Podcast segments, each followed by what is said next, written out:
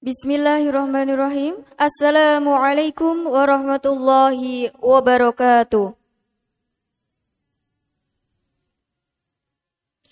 Yang terhormat Rektor UIN Wali Songo Semarang, beliau Bapak Profesor Dr. Kiai Haji Imam Taufik MAG, yang kami hormati jemaah kajian Ba'za Duhur, baik yang bisa hadir secara offline di Masjid Kampus 3 UIN Wali Songo Semarang, maupun secara online melalui live streaming YouTube maupun Zoom meeting dan sekaligus tim KKN pengakuan. Alhamdulillahirabbil alamin wa ala umurid dunya waddin. Assalatu wassalamu ala asrafil anbiya wal mursalin wa ala alihi wa ajmain amma ba'du. Segala puji bagi Allah yang telah memberikan kita kenikmatan dan kesehatan bagi kita semua sehingga kita dapat berkumpul di majelis dan menggali ilmu bersama. Salawat serta salam tak lupa kita haturkan kepada junjungan kita Nabi Agung Muhammad Sallallahu Alaihi Wasallam. Semoga senantiasa mendapatkan syafaatnya di yaumil qiyamah. Amin amin ya rabbal alamin. Selanjutnya saya sebagai moderator akan membimbing jamaah sekalian untuk mengikuti kajian Ba'da Duhur kali ini. Pada siang hari ini, kurang lebih 45 menit, kita akan bersama-sama mengkaji kitab Risalah Al-Jami'ah yang akan disampaikan oleh Bapak Dr. Kiai Haji Ahmad Tajuddin Arafat MSI dan sekaligus nantinya terdapat sesi tanya jawab bagi jamaah kajian Ba'da Duhur yang hendak bertanya bisa disampaikan secara langsung atau melalui kolom komentar YouTube maupun meeting. Baik untuk menyikat waktu kepada Bapak Kiai Haji Ahmad Tajuddin Arafat MSI, kami persilahkan dengan hormat.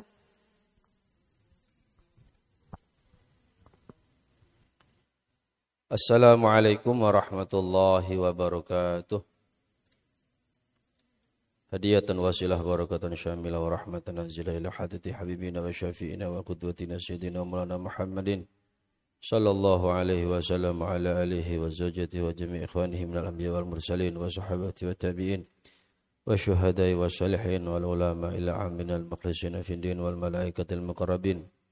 ونخص خصوصا إلى حديقة برباني ولا خصوص مدينة سيدنا شمس القدير الجيلاني وأئمة الأربعة رضي الله تعالى عنهم وإلى حضرة المؤلف في هذا الكتاب سيد أحمد بن زين الحبشي وشيخ أبي عبد الله بن عبد الله بن أحد والحدد جميع شارخ وشارخ والحدد شيخ محمد عبد البندني أن الله يعلي درجات في الجنة وينفعنا بهم وبعلومهم ويفيض علينا من بركتهم وكرمتهم ونفحتهم في الدين والدنيا والآخرة وأن الله يغفر ذنوبنا وذنوب آبائنا وأمهاتنا وأجدادنا ومشايخنا ومشايخ مشايخنا وتلاميذنا وطلابنا وأن الله يفتح فتوح يفتح لنا فتوح العارفين ويفقهنا في الدين وعلمنا في التأميل وارزقنا عملا صالحا مقبولا برحمتك يا أرحم الراحمين. وعلى كل نية صالحة الفاتحة. أعوذ بالله من الشيطان الرجيم. بسم الله الرحمن الرحيم. الحمد لله رب العالمين. الرحمن الرحيم. مالك من الدين. إياك نعبد وإياك نستعين. اهدنا الصراط المستقيم صراط الذين أنعمت عليهم غير المغضوب عليهم ولا الضالين. رب اغفر لي ولوالدي وللمؤمنين آمين. بسم الله سبحان الله والحمد لله ولا إله إلا الله والله أكبر.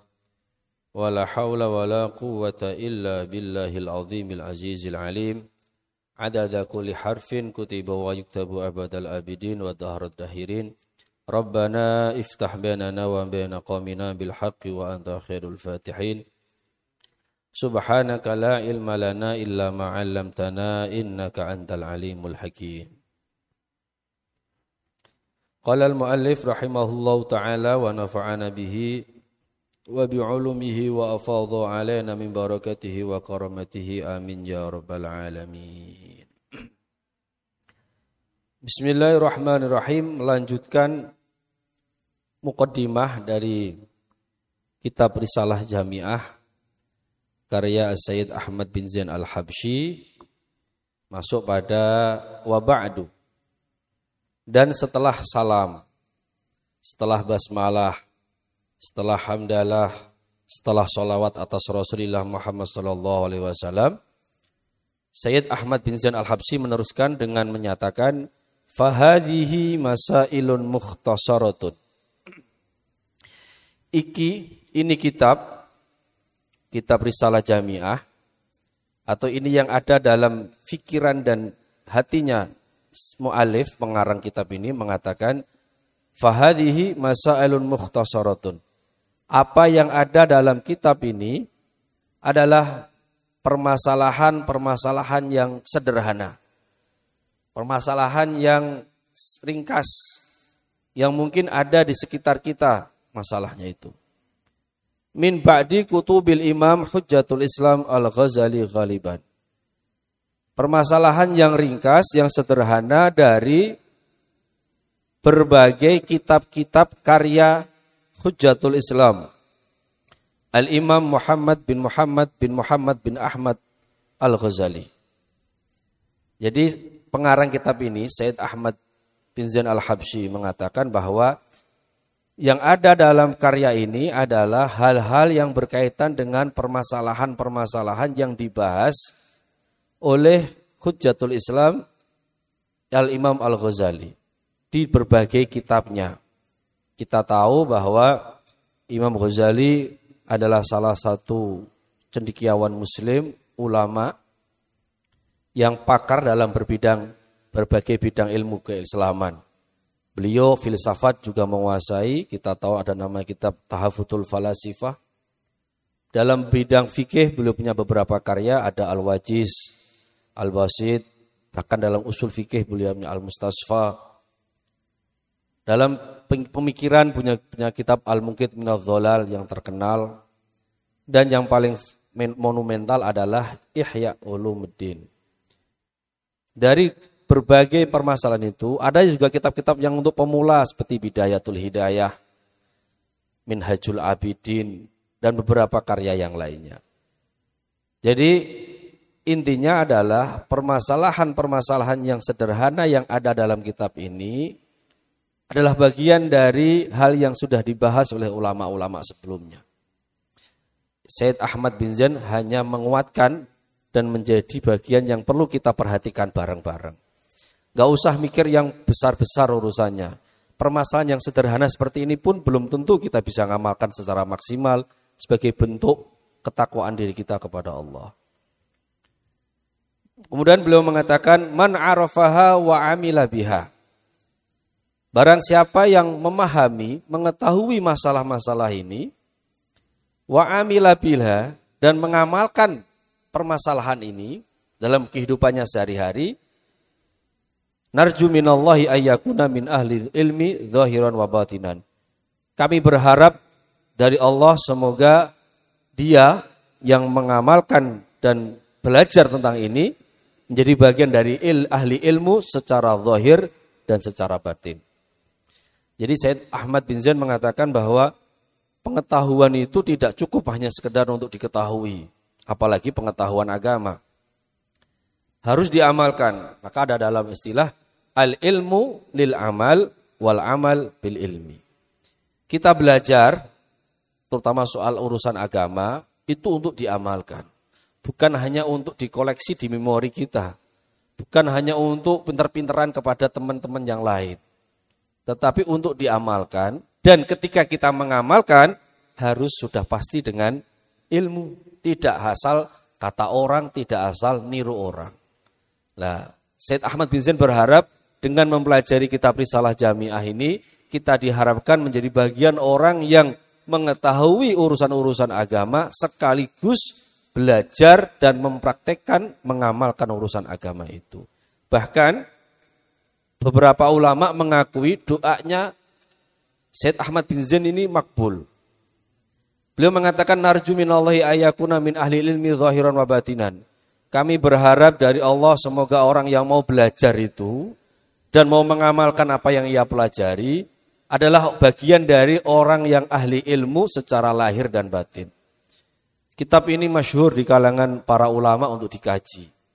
Ini menunjukkan bahwa doanya Said Ahmad bin Zain Al-Habsyi itu terkabulkan oleh Allah. Banyak orang yang ingin mengkaji kitab ini banyak orang yang mendapat faedah, pengetahuan dan hikmah dari kitab ini, bahkan dengan kitab ini dia menjadi bagian dari orang yang dapat hidayah dari Allah Subhanahu wa taala. Lah, tidak hanya sekedar ahli ilmu dari sisi zahir, tetapi juga ahli ilmu dari sisi batin. Karena dimensi agama kita itu dua-duanya ada. Al-iman urusannya batin. Islam urusannya lahir. Ihsan yang menggabungkan dari amaliyah zahir kita dengan amaliyah batin kita. Jadi umum orang Islam nggak cukup hanya sekedar mukmin muslim, tapi harus mencapai pada maksimalnya yaitu menjadi muhsin. Orang hanya sekedar tahu tapi nggak diamalkan, belum sempurna keimanannya. Yang paling parah itu ngamalkan sesuatu yang dia nggak tahu. Itu jadi zindik kalau orang tasawuf bilangnya itu. Sakar PDW. Maka seharusnya yang ideal adalah dari keimanan yang batin itu melahirkan ekspresi keagamaan yang luar biasa, yang lahir, tampak. Dari batin mas keluar ke lahir. Yang katanya bahwa kecantikan itu dari dalam. Iya, baru keluar. Kalau kecantikan dari luar itu hanya aksesoris belaka. Hanya casing tok. Dalamnya rusak. Beragama tidak itu yang diinginkan. Agama tidak butuh aksesoris itu. Agama membutuhkan pengamalan yang maksimal dari batin, keikhlasan yang tulus menjadi bagian dari pengabdian kita kepada Allah, kemudian akan otomatis melahirkan perilaku yang baik. Jadi kebaikan agama itu kebaikan yang asli, kebaikan yang murni, kebaikan yang imanen, yang permanen dalam diri kita. Bukan kebaikan yang karena ada orang kita berbuat baik saja. Itu yang nggak dibolehkan dalam beragama. Jadi kita diharapkan oleh Said Ahmad bin Zain, semoga kita menjadi bagian dari orang itu, orang yang beramal dan juga berilmu dan bisa mengekspresikan il ilmunya dengan berupa amaliyah-amaliyah yang baik dan soleh. Karena memang nggak boleh orang ahli ilmu itu ya harus mengamalkan. Ada satu makalah dari dari syarahnya ini, Ibnu Arabi mengatakan, kullu haqiqatin la syari'ata laha fayya'atilah. Segala hakikat, hakikat itu urusan batiniah. Kok tidak ada syariatnya, maka itu sia-sia. Jadi mengamalkan kebaikan tapi gak punya aturan, gak dihargai kebaikannya itu. Karena dia kosong, tidak berharga. Dan sebaliknya, kullu syariatin la haqiqatalaha fahiyya batilah segala syariat kalau gak ada hakikatnya, gak ada tujuan positifnya, ya juga salah. Mohon maaf, kita sedang puasa saat ini. Kita sedang puasa. Pertanyaannya adalah, apakah puasa kita masih pada level yang penting nahan makan sama minum? Atau sudah pada level merubah aktivitas perilaku kita yang dulunya zonanya zona merah, zona bahaya, ke zona yang hijau, zona yang nyaman dalam mengamalkan aktivitas keislaman kita. Kalau sholatnya jalan, maksiatnya jalan, nah itu yang bermasalah. Itu sia-sia. Meskipun memang madhab syafi'i mengatakan orang yang puasa, ketika dalam menjalani puasa itu berbuat maksiat, berbuat dosa, ngerasani koncone, kajian tokoh kalau orang-orang orang-orang akademis bilangnya itu, di tokoh yo konco-koncone dewi ku tokoh. Hibah itu tidak membatalkan puasanya, tapi hanya menghapus pahala puasanya. Ya sia-sia juga. Saya sering ngomong, kita mau ndak disuruh kerja tapi gak digaji? Ndak mau. Tapi kita lakukan sendiri itu di hadapan Allah. Maka syariat dan hakikat harus jalan bareng. Urusan lahiriah dalam beragama harus tetap dibarengkan dengan urusan batiniah. Sholat itu urusan lahiriah, harus dibarengkan dengan batiniah. Apa? Ikhlas lillahi ta'ala, gak usah pamer. Beramal baik itu lahiriahnya adalah mungkin sedekah, bantu orang, tapi batinnya adalah murni ini kewajiban sebagai orang muslim atas orang Islam. Gak usah berharap yang lainnya. Itu namanya pelajaran batiniahnya. Maka dua-duanya ini diharapkan ada dalam diri kita. Wabillahi taufik dan hanya kepada Allah pertolongan itu ada. Atau fik itu pertolongan yang dengan pertolongan itu kita mampu dan mudah untuk mengamalkan ketaatan kepada Allah. Itu atau fik. Jadi jangan sekali lagi merasa bahwa ketaatanmu kepada Allah saat ini itu murni karena keinginanmu. Tidak. itu bisa saja adalah bagian dari pertolongan Allah yang diberikan kepada kita. Arkanul Islam khamsatun. Rukun Islam ada lima. Saya kira ini sejak kecil sudah dikasih tahu. Rukun Islam ada lima. Syahadatu an la ilaha illallah wa anna Muhammad Rasulullah wa iqamus salah wa ita'uz zakah wa somu Ramadan wa hijjul baiti man istata'a ilaihi sabila. Pondasi Islam yang lima ini biasanya dikaitkan dengan hadis Rasulullah Shallallahu Alaihi Wasallam yang diriwayatkan oleh Sayyidina Umar bin Khattab. Hadisnya panjang itu. Hadis Jibril. Itu ada dalam Reba'in Nawawi ada. Tentang pertemuan Rasul dengan malaikat Jibril yang kemudian di saat itu Rasul ditanyai oleh malaikat Jibril tentang mal Islam. Rasul kemudian mengatakan seperti ini, mal Islam, mal iman, apa itu iman? Rasul menjawab seperti ini. Apa itu ihsan? Rasul menjawab. Nah, di situlah kemudian ulama mengambil kesimpulan bahwa pondasi Islam ada lima. Pondasi Islam ada lima. Jadi dengan lima ini Islam akan akan besar, akan terhormat, lah tinggal kita yang ngaku muslim itu saja yang masalah. Kalau pondasinya bagus, tapi yang megang pondasi nggak bagus, ya sia-sia juga pondasi itu dibuat. Maka arkanul Islam khomsatun itu diharapkan dengan pondasi lima ini kita bisa menjalankan keislaman itu secara maksimal dan baik. Pertama adalah syahadatu an la ilaha illallah wa anna muhammadar rasulullah. Bersahadat. Bersaksi bahwa tiada Tuhan selain Allah. Tiada zat yang layak disembah selain Allah. Tiada zat yang layak dituju dan diharapkan selain Allah. Dan tiada zat yang layak dipuji dan dicintai selain Allah. Nah ini. Satu tok ini kita masih repot. La ilaha illallah. Berangkat dari satu firman Allah, "Wa ma khalaqtul jinna wal insa illa liya'budun." Simpel, terlihat, terlihat terjemahannya simpel.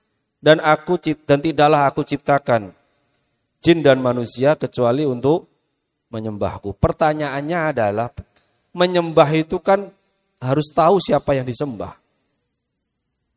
Kalau kita jawab siapa yang kita sembah? Allah. Pasti semuanya jawabnya gitu, Allah. Kita sudah tahu Allah dah. Nah, itu pertanyaan tauhid. Tahu di sini jangan digambarkan tahu sebagaimana kamu tahu seseorang yang bisa kamu lihat, kamu amati itu enggak. Pertanyaannya, tahu dari dimensi mana kamu bisa mengenal Allah? Maka ada satu riwayat penafsir kan yang mengatakan wa ma khalatul jinna wa insa illa liya'budun liya'budun ay liya'rifuni agar orang-orang itu mengenalku. Masalah gini, kalian mau nyembah itu saya mau tanya, kalian mau menyembah Allah itu memang diperintah atau kalian memang tahu bahwa Allah itu layak disembah? Selama ini diajak ya. Diajak untuk nyembah Allah kan? Maka kalau ditanya Allah itu di mana, Allah itu bagaimana, nggak tahu. Karena kita nggak pernah berusaha untuk mengenal Allah itu sendiri. Menyembah itu ritual. La ilaha, kata ilahun, kalau kamu lihat dalam terjemah Inggrisnya, nyoba ditanya dicari di terjemahan Inggris, ilahun itu kalau diartikan bahasa Inggrisnya namanya idol. Idola. Nah, kamu kan punya idola banyak ya? Saya mau tanya, idolamu itu artis yang kamu sukai itu kamu sembah enggak? Sembah, siapa bilang nggak disembah? Kamu ngoleksi fotonya, kamu tahu update dia kapan update status di di IG-nya. Kamu selalu melihat dan mencari dan mencari. Pertanyaan kita, selama ini kita pernah mencari dan mengenal Allah enggak? Oh Allah itu gimana tuh kita cari. Oh ada azan, oh Allah manggil dan seterusnya. Maka la ilaha itu proses takhalli atau nafi, nafi isbat, menghilangkan sesuatu untuk mengukuhkan sesuatu. Karena pada faktanya kita itu punya banyak Tuhan, punya banyak kekasih, punya banyak apa lagi ya? pengharapan di luar pengharapan kepada Allah. Apa? Tuhan kita tidak lagi berhala. Orang sekarang kalau orang nyembah berhala nggak keren. Tuhan kita banyak apa? Uang. Nyoba, kamu uang, punya uang 100 ribu bawa sini tak sobek. Kamu marah-marah itu, jangan lukai Tuhanku. Pasti gitu bilangnya. Kasihan aku tadi. Saya nggak bisa makan kalau nggak ada itu. Ah. Ini kecil. Dalam bahasanya, tauhid ini syirik khafi kalau nggak hati-hati. Kalau tanpa dia, saya nggak ada apa-apanya. Saya nggak bisa apa-apa. Sering nggak seperti itu? Wah, flash diskku rusak. Susah stres. Kalau kita ta'alukkan murni hanya itu, itu syirik khafi. Hati-hati. Kalau saya nggak berobat ke sana, saya nggak sembuh. Ah, hati-hati. Jadi harus dijaga. Illa anta, kecuali engkau ya Allah. Illa ana, kecuali aku, Allah, akimis sholata lidikri itu. Fa'budni wa akimis sholata lidikri. Tidak ada Tuhan kecuali aku Allah, maka sembahlah aku, kenali aku, akrabi aku, sayangi aku, Berharaplah hanya padaku, wa aqimis sholata dan dirikan sholat untukku, untuk mengingatku dan seterusnya. Maka yang namanya orang kenal itu pasti selalu diingat. Ya, orang kenal itu pasti selalu diingat. Maka di sini kita ditantang oleh Allah, la ilaha illa anta. Persaksian ini dibuktikan itu, buktikan bahwa Allah itu ada dalam diri kita. Buktikan bahwa segala langkah kita itu di situ Allah mengawasi kita di situ Allah sedang menilai perbuatan kita layak atau tidak layak untuk diterima oleh Allah Subhanahu wa taala. Tapi syahadat di Islam tidak cukup hanya itu. Tidak boleh orang dikatakan Islam hanya saya sudah syahadat kepada Allah. Saya yakin di dunia ini ada penciptanya namanya Allah. Gak cukup. Kalau hanya sekedar itu, orang Nasrani juga tahu bahwa Tuhannya namanya Allah. Cuma bisa kadang beda pelafalan aja. Allah gitu kan. Esensinya sama. Orang Yahudi Tuhannya siapa kalau ditanya? Allah sama. Cuma mungkin panggilannya Yahweh atau siapa.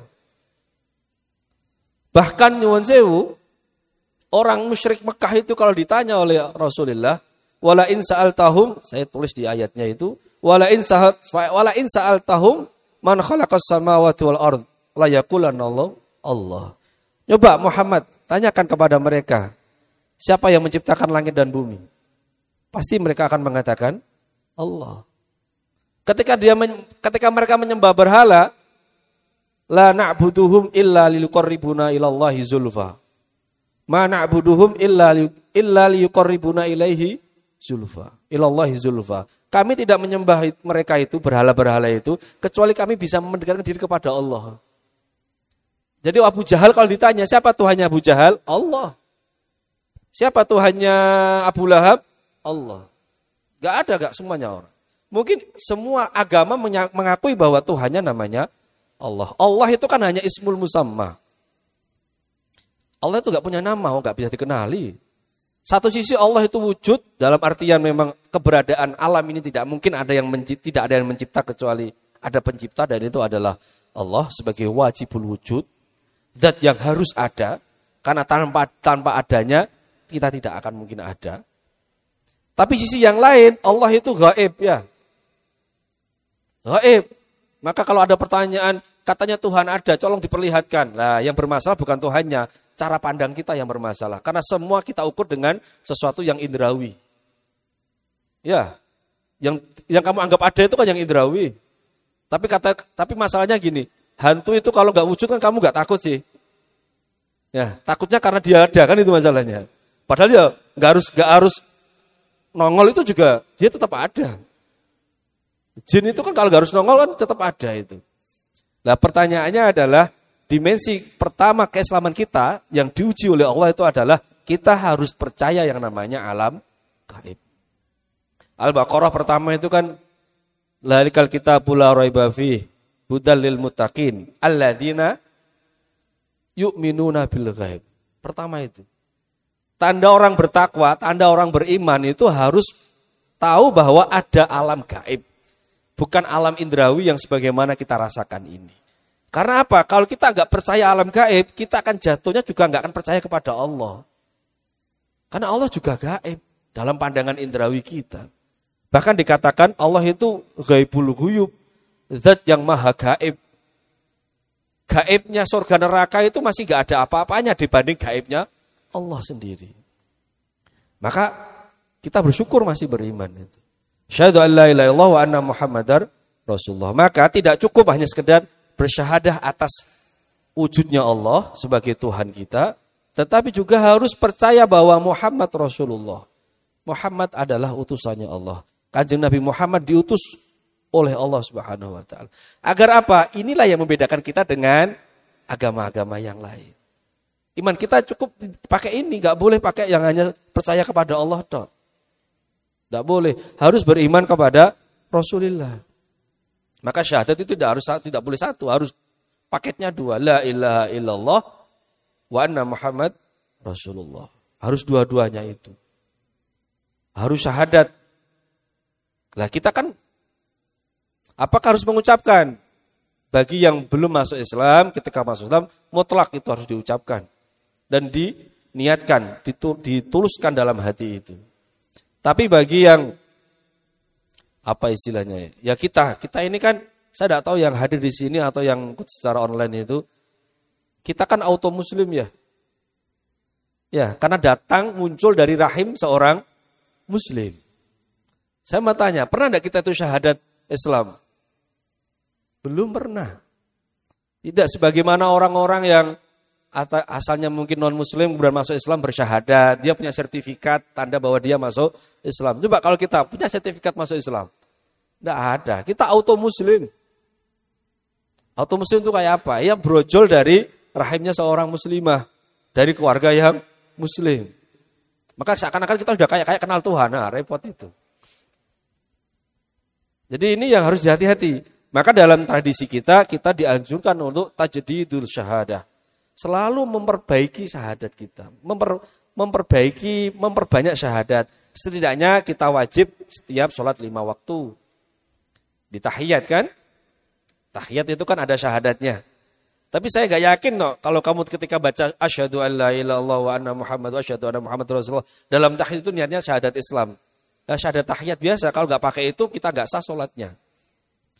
Mungkin ketika kalau mau nikah biasanya itu nah, sebelum ada proses akad nikah khot apa misalnya yang yang itu yang khutbah nikah itu di akhir khutbahnya pasti ada syahadat. Apalagi banyaklah kita disuruh oleh Allah untuk tajdid itu syahadat tajid itu syahadahnya diperbanyak. Ya karena kita auto, kita merasa ini seperti pengalamannya Sunan Kalijogo. Sunan Kalijogo itu punya namanya Suluk Linglung. Suluk Linglung itu apa sih? Ya beliau itu Islam sejak lahir dari keluarga Islam, tapi merasa kayak gini-gini aja Islamnya. Ya ngeflat. Ngeflat itu. Enggak berkembang, enggak naik, enggak turun.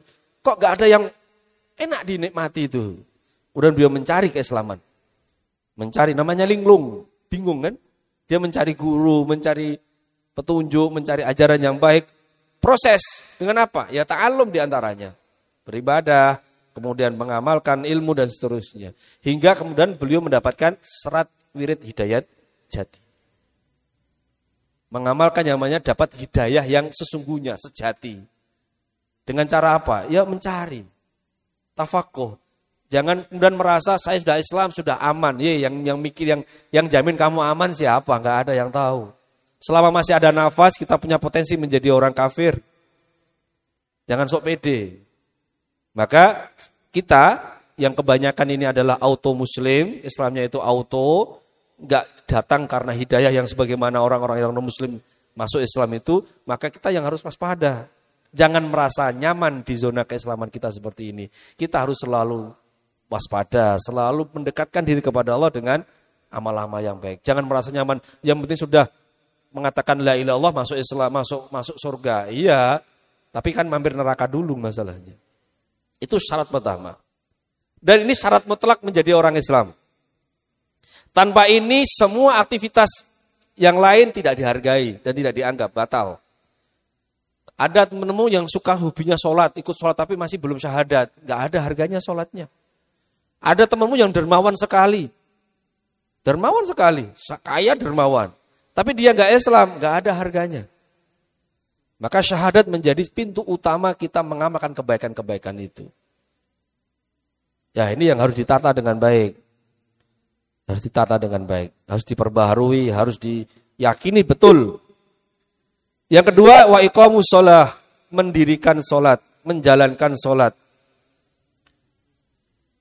Yang wajib lima, ya, yang sunnah banyak.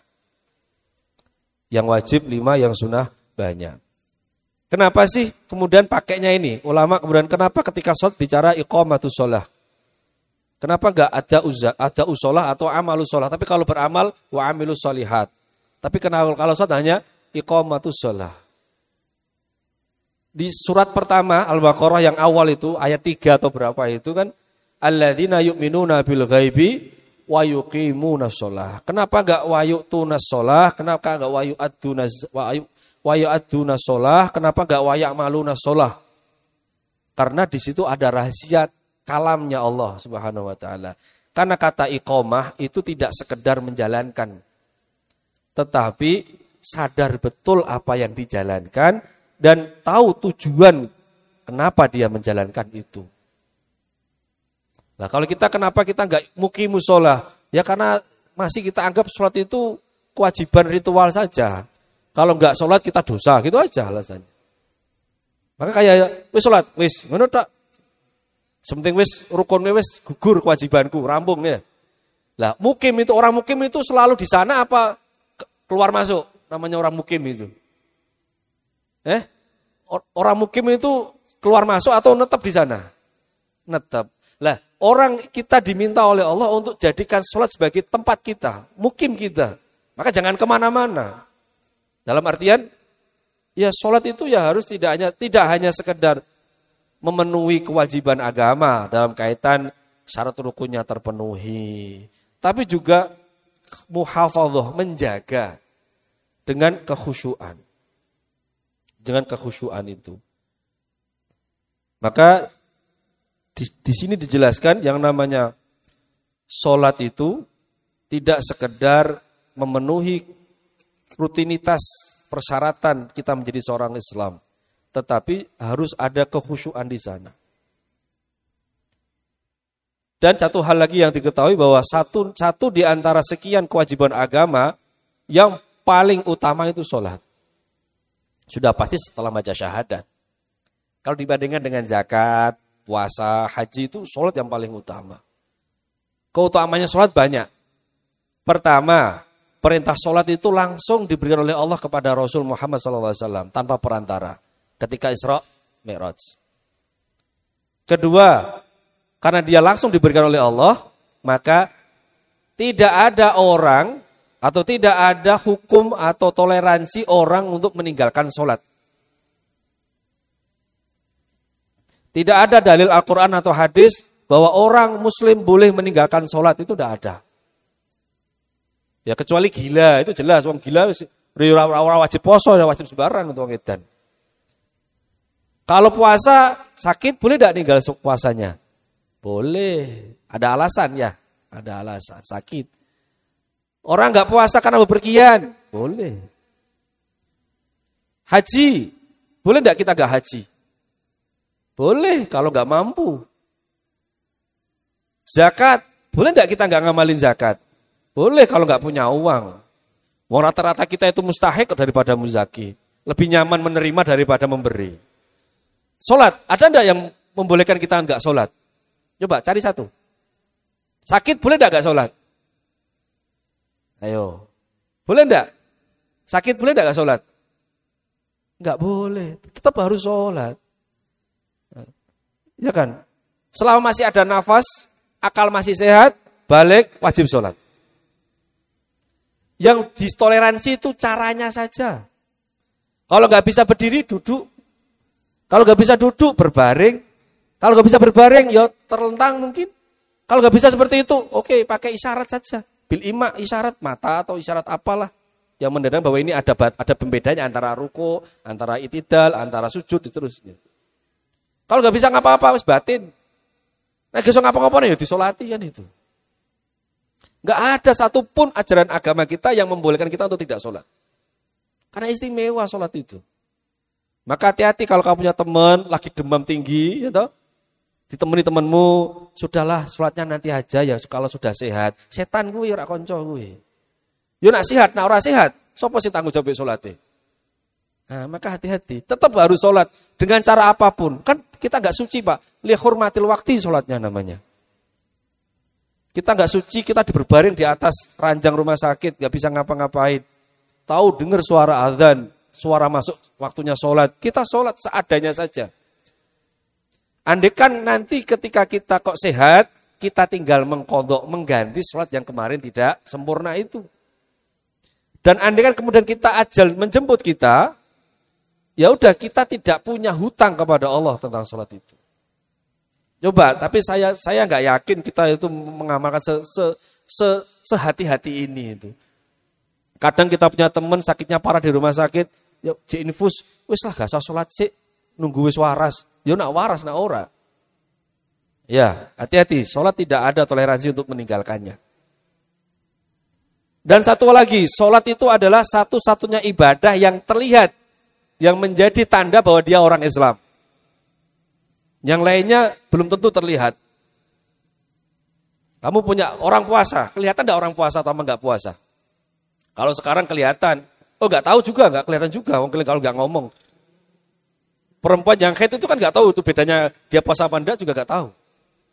Kalau dia enggak ngomong ya, oh saya sedang puasa, oh tahu baru tahu kalau orang itu puasa. Zakat, enggak perlu tahu orang lain. Oh, zakat bisa kasihkan ke bagian amil zakat, selesai sudah. Nggak perlu orang banyak tahu tentang aktivitas zakat kita. Apalagi kalau sedekah. Sedekah itu lebih utama tangan kiri nggak tahu apa yang ada tangan kanan. Haji, ada yang tahu kalau ini orang sudah haji sama belum haji? Apa mesti yang pakai peci putih itu sudah haji? Nah, sekarang peci putih 25 ribu selesai dapat pakai itu orang apa pasti dikatakan haji. Nggak tahu. Kalau kalau dia ngomong dan dia nunjukin kalau dia pernah haji. Sholat, kamu gak usah ngomong, gak usah apa, gerak sudah katuk, ketahuan kau itu orang Islam. Ya, benar gak? Kamu punya teman, punya teman, teman, kenalan, Sepu, seminggu, satu pekan dia gak sholat sama sekali. Tetapi ketika Jumat dia ikut sholat, oh ternyata kamu orang Islam dong. Tahu kalau dia itu sholat, ternyata orang Islam karena dia ikut sholat. Atau mungkin rutinanya setahunan sekali dia, oh ternyata kamu Islam, ikut sholat id ternyata dia itu. Maka Rasul mengatakan inna bainar rajuli wal kufri tarkusolah. Pembeda kita dengan orang kafir, orang non muslim itu cuma satu, dia mau sholat atau tidak. Tidak ada yang lainnya. Maka sholat itu hati-hati jangan disepelekan. Amal yang pertama kali dihisap oleh Allah itu sholat.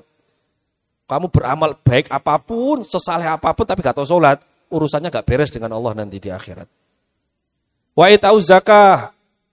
Yang ketiga, menunaikan zakat. Harta yang ada dalam diri kita ada milik orang lain, ada hak orang lain. Allah menyatakan khudz min amwalihim sodakotan tutohiruhum wa tuzakki bihim wa tuzakkihim biha wa salli alaihim. Itu dalil orang berzakat. Atau orang sedekah, dalam konteks ini sama. Yaitu kedermawanan yang diajarkan oleh Allah kepada kita. Tetapi satu hal yang perlu kita hati-hati dalam berzakat atau bersedekah itu, ingat bahwa kita sedang ketika berzakat dan bersedekah, niatkan itu murni untuk menjalankan perintah Allah, tidak ada yang net yang lain. Bahwa saya diminta Allah karena saya punya kelebihan rezeki, saya diminta untuk memberikan haknya kepada orang lain, yang mampu, yang kurang mampu. Dah titik itu aja, gak usah niat yang aneh-aneh. Jangan punya niat, lo nanti kalau berkurang gimana? Materinya berkurang tapi janjinya Allah tidak akan berkurang, pasti Allah akan tambah dan Allah ganti. Wa ma anfaqtum min syai'in. Apa yang kamu berikan, keluarkan dari dirimu sesuatu itu Allah akan ganti. Wa huwa khairur razikin dan Allah itu zat yang maha sebaik-baiknya pembawa rezeki, pemberi rezeki. Jadi jangan hitung-hitungan sama Allah kalau soal rezeki. Allah kasih. Dan pada prinsipnya itu kan bukan milikmu juga toh. Lah kok iman-iman ini ngapa sih? Orang itu kenapa merasa pelit itu karena dia merasa memiliki dengan apa yang ada. Coba, bener gak? Bendahara itu pelit gak seharusnya? Ya enggak, mau bukan miliknya kok. Tapi harus hati-hati kontrol. Itu namanya sederhana apa? Hati-hati moderat. Tapi pelit ya, bendahara pelit itu enggak, enggak, enggak hidup itu organisasi. Kenapa? Dia merasa itu miliknya dia, padahal itu milik, milik, milik organisasi. Itu repot. Maka selama kita masih murah, punya perasaan memiliki, itu yang terkadang menghambat kita untuk menjadi dermawan. Karena pada prinsipnya yang kamu keluarkan itu miliknya Allah. Yang dititipkan lebih kepada dirimu untuk orang orang lain. Yang kedua yang harus hati-hati ketika kita berzakat atau bersedekah adalah jangan merasa bahwa apa yang kamu berikan itu kemudian memberikan dia apa istilahnya ya e, pengikat diri bahwa nek gak tak sumbang, nek gak tak sedekahi, awakmu gak iso lapo-lapo. Hati-hati. Jangan merasa kamu ingin membebaskan kemiskinan atau mengurangi kemiskinan. Niatkan itu murni untuk bahwa kamu mengamalkan perintahnya Allah. Karena khawatir gini, kalau kamu merasa bahwa kamu orang kaya, kemudian ber, berzakat atau sedekah kepada orang lain dan ini tanpa diriku kau tidak bisa ngapa-ngapain. Nah, itu hati-hati. Ingat, yang membuat mereka miskin, fukoro itu juga Allah. Allah punya tujuan lain kepada mereka. Jangan sok-sokan karena kamu punya harta, kemudian gaya-gayanya tanpa dirimu mereka gak berdaya. Hati-hati. Mereka punya Allah dan kita juga punya Allah. Dan itu bukan milik kita juga harta itu. Maka hati-hati, jangan merasa itu. Seharusnya yang kamu harus waspada dalam dirimu bahwa ingatlah bahwa ketika kita sedang bersedekah, kita sedang berzakat, pada prinsipnya itu lebih penting bahwa kita sedang membersihkan diri kita. Bukan bukan sedang membantu orang lain. Itu yang membantu adalah Allah lewat tangan kita, bukan kita yang membantu. Ayatnya khud min amwalim sodakotan, ambillah dari harta mereka sedekah. Tutohiruhum agar sedekah itu bisa mensucikan mereka. Apa yang disucikan? Hartanya? Enggak, ini mental bakhilnya. Mental pelitnya itu yang dibersihkan oleh Allah. Waktu zaki, waktu zaki himbiha dan Allah sucikan dirinya dengan dengan harta itu. Dengan sedekahnya bukan dengan hartanya. Jadi yang dibersihkan Allah itu bukan harta kita. Tetapi diri kita agar kita tidak terikat duniawi agar kita tidak terlalu heboh dengan kehidupan materialitas kita itu. Bukan kok yang suci itu hartanya, itu namanya money laundry namanya itu.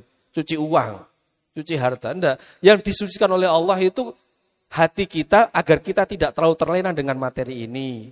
Tidak terlalu terpukau, terpikat dengan kehidupan duniawi ini. Karena apa pun itu bukan milik kita. Itu loh intinya di sana. Jadi jangan merasa yang aneh-aneh dalam berzakat. Murni tuluskan itu karena Allah. Wasomi Ramadan, puasa Ramadan sebagaimana yang kita jalani ini. Wahijul baiti manistata ilaihi sabila. Dan haji ke Baitullah bagi siapa yang mampu jalannya. Mampu jalan ada beberapa. Mampu bekalnya, aman perjalanannya, ya dan meninggalkan nafkah yang cukup bagi keluarga yang ditinggalkan. Ada satu rahasia dari firman Allah walin nasi ala walillahi ala nasi hijul baiti manis atau ilaihi sabila. Kata sabilan itu redaksinya pakai isim nakiroh. Bukan isim ma'rifat, tidak pakai al. Sabilan artinya adalah umum jalannya, tidak khusus. Maksudnya adalah bahwa orang pergi haji itu jalannya banyak. Ya, tidak harus kaya ya. Enggak harus kaya. Banyak orang kaya enggak berhaji itu. Bahkan Rasul Rasul dalam satu riwayat hadis mengatakan orang kaya kalau enggak mau haji, saya enggak pas saya enggak akan jamin hidupnya itu mati nanti jadi orang Yahudi atau orang Nasrani. Enggak peduli itu. Sampai diancam oleh Allah seperti itu. Jadi jalan orang haji itu banyak. Manis tato ailehi sabilan. Jalannya banyak, tidak sedikit. Maka jangan batasi jalannya Allah itu harus kaya. Enggak. Mampu itu hanya mampu punya modal, mampu modal untuk bekal, modal keamanan, dan modal yang lain. Kalau dikasih orang haji, mau enggak? Mau. Berangkat enggak? Berangkat. Enggak usah. Ada yang modelnya jual sawah, ya caranya emang itu jalannya. Ada yang dihajiin oleh orang, ya emang itu jalannya. Ada yang ikut undian, ya itu emang itu jalannya. Jalannya banyak. Jangan dibatasi hanya urusan kaya. Maka jadi, kalau kamu ingin doa untuk segera berhaji, doa saja, gak usah takut, gak usah nunggu kaya. Allah kasih pasti kalau Allah kasih jalannya itu. Semua itu dilakukan dengan ma'al ikhlasi wa tasdik. Tulus karena Allah, tulus karena menjalankan perintah Allah, wa tasdik, dan meyakini bahwa itu memang kewajiban agama. Dua-dua ini harus ada. Faman lam yakun mukhlisan, barang siapa yang menjalani perintah agama tadi, rukun Islam tadi, tidak secara ikhlas, maka dia munafik. Munafik itu apa sih? Tidak cocok apa yang dia amalkan dengan apa yang dia rasakan. Itu munafik. Bukan munafik dalam artian yang digambarkan di, di Madinah, enggak. Solate, solat, tapi gak terimonan. Mangkel. Ya. Ah, duhur neh gitu ya. Nah, itu munafik namanya itu. Dia nggak terima dengan perintah ini. Ya jadi terpaksa dia menjalankannya. Itu munafik. Nggak ikhlas karena Allah. Nggak ikhlas. Atau lagi gini, munafik itu. Sholat karena ada temennya yang ngajak sholat. Karena orang lain. Mungkin karena bisa pamer. Atau karena malu. Iya dah. Koncone baru mulai ke pondok, dolan gini kos-kosane. Ya arek iki yo zaman semono ketika mondok yo sergap salate. Pas kuliah ketemuan gak kumpul-kumpulan gak apik dadi nakal. Tapi pas itu saat temennya yang santri di pondok itu mampir ke kos-kosannya. Waktu zuhur, ayo cak sholat. Biasanya gak begitu mau sholat di awal waktu. Nanti-nanti sholatnya. Tapi kalau yang ngajak temennya, dia mau. Malu kalau dikatakan gak sergap. Nah itu juga munafik namanya itu. Biar kelihatan sok, apa istilahnya itu. Ya sok, sok soleh lah itulah kayaknya.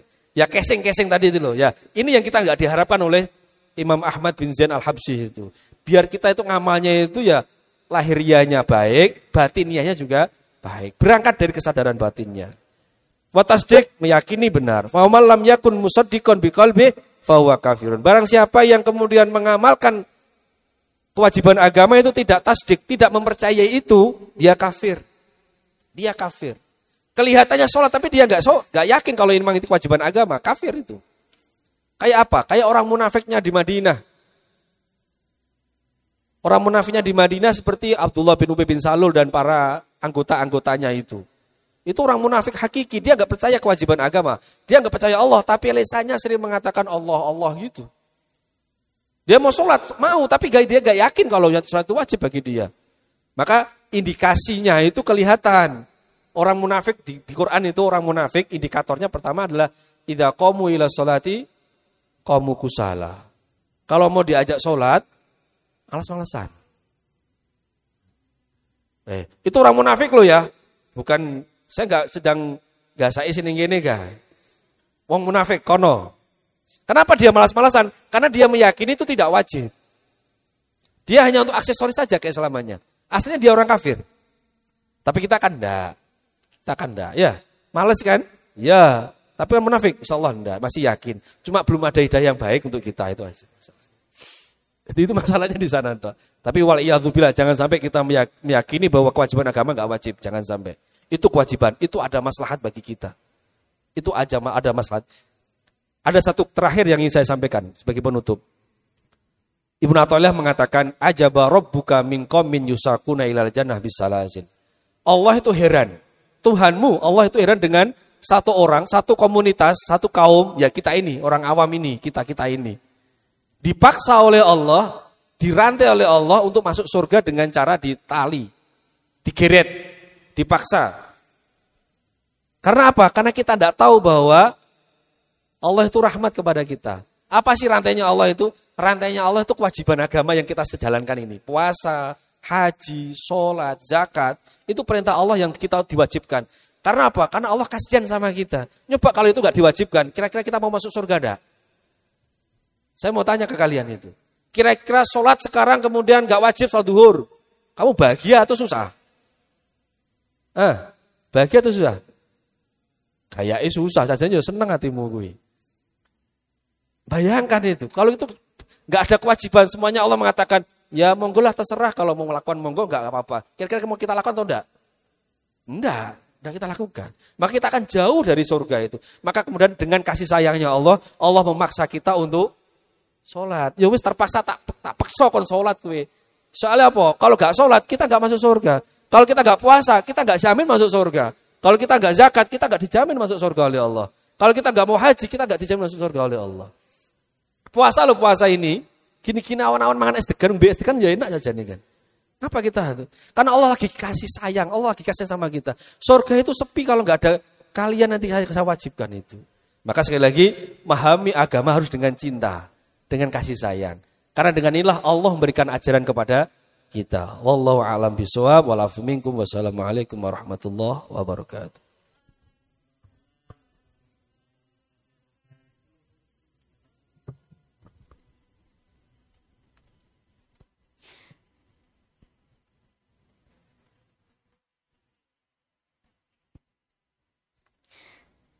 Baik, kita telah memasuki sesi tanya jawab. Bagi jamaah Ba'da Duhur yang hendak bertanya bisa disampaikan secara langsung dengan mengangkat tangan atau bisa disampaikan melalui kolom chat di YouTube maupun di Zoom meeting. Baik, alhamdulillah sudah masuk pertanyaan.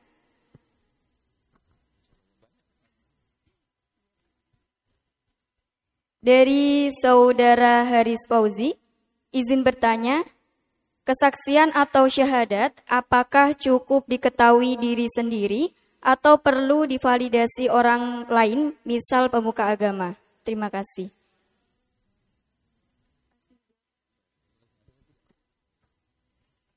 Baik, ada pertanyaan lagi dari saudari Naila Aulia. Rukun Islam yang pertama syahadat. Namun dulu di zaman Nabi ada kisah seorang pemuda membunuh yang membunuh 99 orang. Suatu hari ia hendak bertobat atau masuk Islam, ia pun bertanya pada seorang alim, apakah orang berdosa sepertinya bisa diampuni.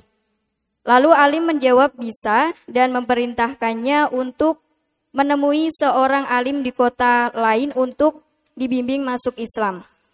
Namun belum sempat sampai ke kota yang dimaksud pemuda ini meninggal namun malaikat mencatatnya mati dalam keadaan berislam meski belum mengucap syahadat. Lalu seperti apakah konsep syahadat yang sebenarnya? Haruskah diucapkan atau cukup dengan tekad dalam hati? Kalau memang hanya tekad dalam hati, mengapa dulu Fir'aun tidak diterima padahal jelang ajalnya ia sudah meniatkan hati untuk bertaubat sama seperti pembunuh tadi? Terima kasih. Saya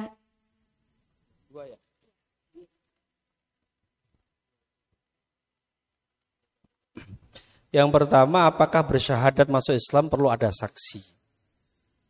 Tidak harus. Tapi alangkah baiknya ada.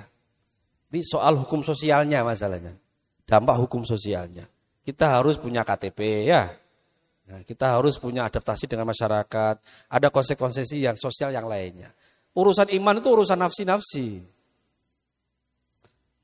Nafsi-nafsi. Tapi orang nggak, kalau di tradisi di kita kayaknya agak cenderung ngaldorot dalam artian tadi urusan sosialnya akan bermasalah.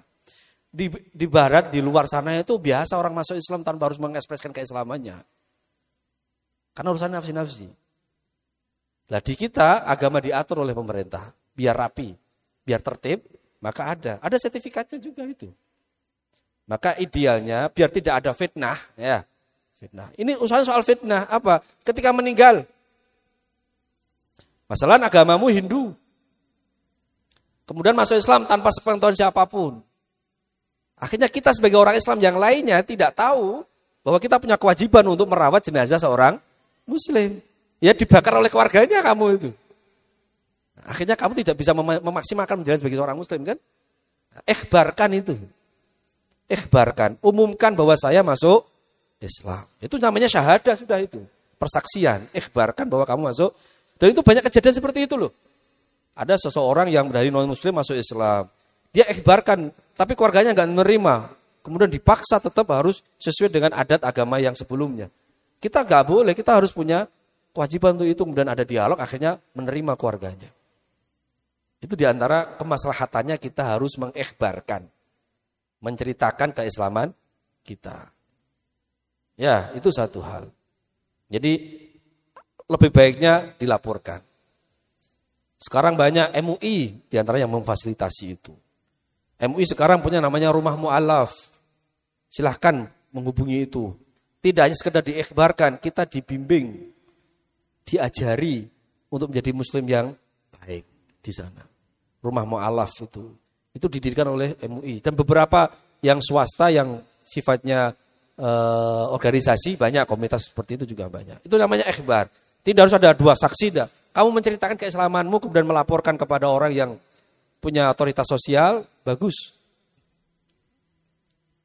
Kan ini urusan pribadi pak, ya udah. Kalau kamu mau risiko ya monggo. Tapi juga nggak ada salahnya dan itu saya kira lebih baik agar memberikan kenyamanan pada orang yang syukur menjadi syiar bagi bagi yang lain. Oh dia masuk Islam, kita harus ikut juga masuk Islam. Kan jadi baik gitu.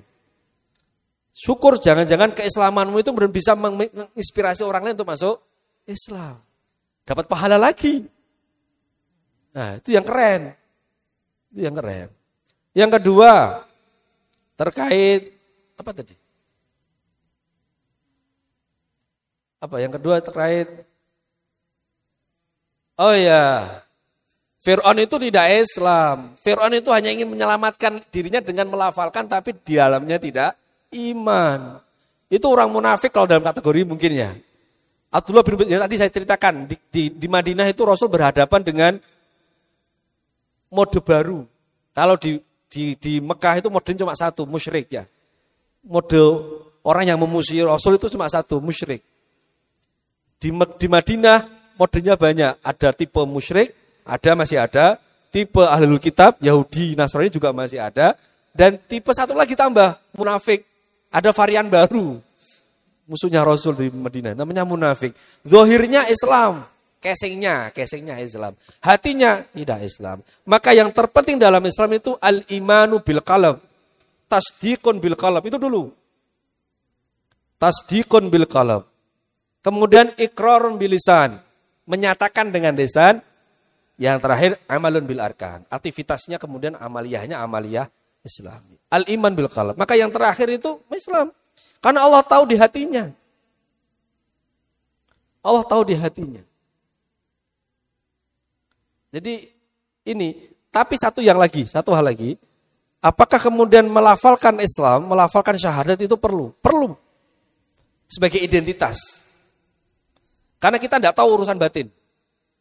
Nahnu nahkumu bidzawahir wallahu yahkumu bisarair. Kita hanya bisa melihat yang terlihat saja, yang lahiriah, kita tidak tahu yang urusan batin. Maka ketika di Madinah, Rasul masih bermuamalah, masih menganggap dan berinteraksi dengan orang munafik sebagaimana berinteraksi dengan orang Islam. Sama, meskipun Rasul tahu, dikasih tahu oleh Allah, oleh Jibril bahwa orang-orang itu orang munafik. Tapi karena amaliyahnya Islam, Allah Rasul masih menghargai sebagaimana amaliyahnya. Nah, apalagi kita yang nggak tahu sama sekali, maka terkadang menyatakan keislaman dengan lesan itu perlu dan wajib. Karena kita tidak tahu hatinya kayak apa. Ya kan? Man itu yang umir tu anu qatilan hatta yaqula la ilaha illallah. Aku diperintah oleh Allah untuk berperang sampai dia mengatakan la ilaha illallah. Hanya mengatakan dok. Soal kemudian nyuwun sewu ya nyuwun sewu. Kan orang varian masuk Islam itu kan banyak ya. Ada karena memang hidayah murni, petunjuk dari Allah. Datang, kasih hidayah oleh Allah. Imannya terkadang lebih keren daripada kita. Kadang loh ya, mereka itu bisa masuk Islam karena hanya mendengar kata kul huwallahu ahad Allahu somad, al-ikhlas itu. Lah kita beberapa kali baca surat ikhlas itu di sholat. Kulhu kulhu kulhu itu loh. Belah tidak ada kesannya sama sekali di sini. Mereka baru dapat inspirasi kata al-ikhlas langsung masuk Islam. Itu satu contoh. Maka jangan dikatakan orang mu'alaf itu kemudian imannya cetek. Enggak. Jangan-jangan ketakwaan dan imannya lebih keren daripada dari kita itu. Tapi kan jenis mu'alaf banyak variannya. Ada yang mu'alaf gara-gara pengen nikah ya. Biar halal nikahnya, biar sah, dia pindah agama. Bariku kelakuannya ngono-ngono wae ya iso wae ono. Akhirnya KTP netok sing Islam. Wal kita nggak mau yang seperti itu. Kita nggak mau yang seperti itu. Maka syahadat itu perlu persaksian, syahadat itu perlu pernyataan. Tidak cukup hanya sekedar itu. Kalau iman tok benar. Tadi ceritakan dia belum sempat bersyahadat tapi dia sudah mengimani. Iya. Jadi katakanlah al-imanu bil qalb, tasdikun bil qalb, wa amalun bil ikan dan seterusnya. Itu saya kira wallahu alam biswab. Baik, terima kasih karena waktunya juga sudah habis. Terima kasih kami haturkan kepada Bapak Dr. Kiai Haji Ahmad Tajun Arafat MSI yang atas kajian kitab Risalah Al-Jami'ah pada siang hari ini. Tapi sebelum kita tutup, diberitahukan kepada jamaah Ba'da Duhur, tetap stay karena masih ada kajian Ba'da Duhur di esok hari yang insya Allah akan dihadiri oleh Bapak Kiai Haji Ahmad Mutohar MAG dengan kitab Adabul Alim wal Muta'alim. Oke, tetap stay di Masjid Kampus 3 UIN Wali Songo Semarang pada pukul 12.15. Baik, mari kita tutup kajian pada siang hari ini dengan bacaan hamdalah bersama. Alhamdulillahirabbil alamin. Saya sebagai moderator meminta maaf jika ada kesalahan kata. Wabillahi taufik wal hidayah.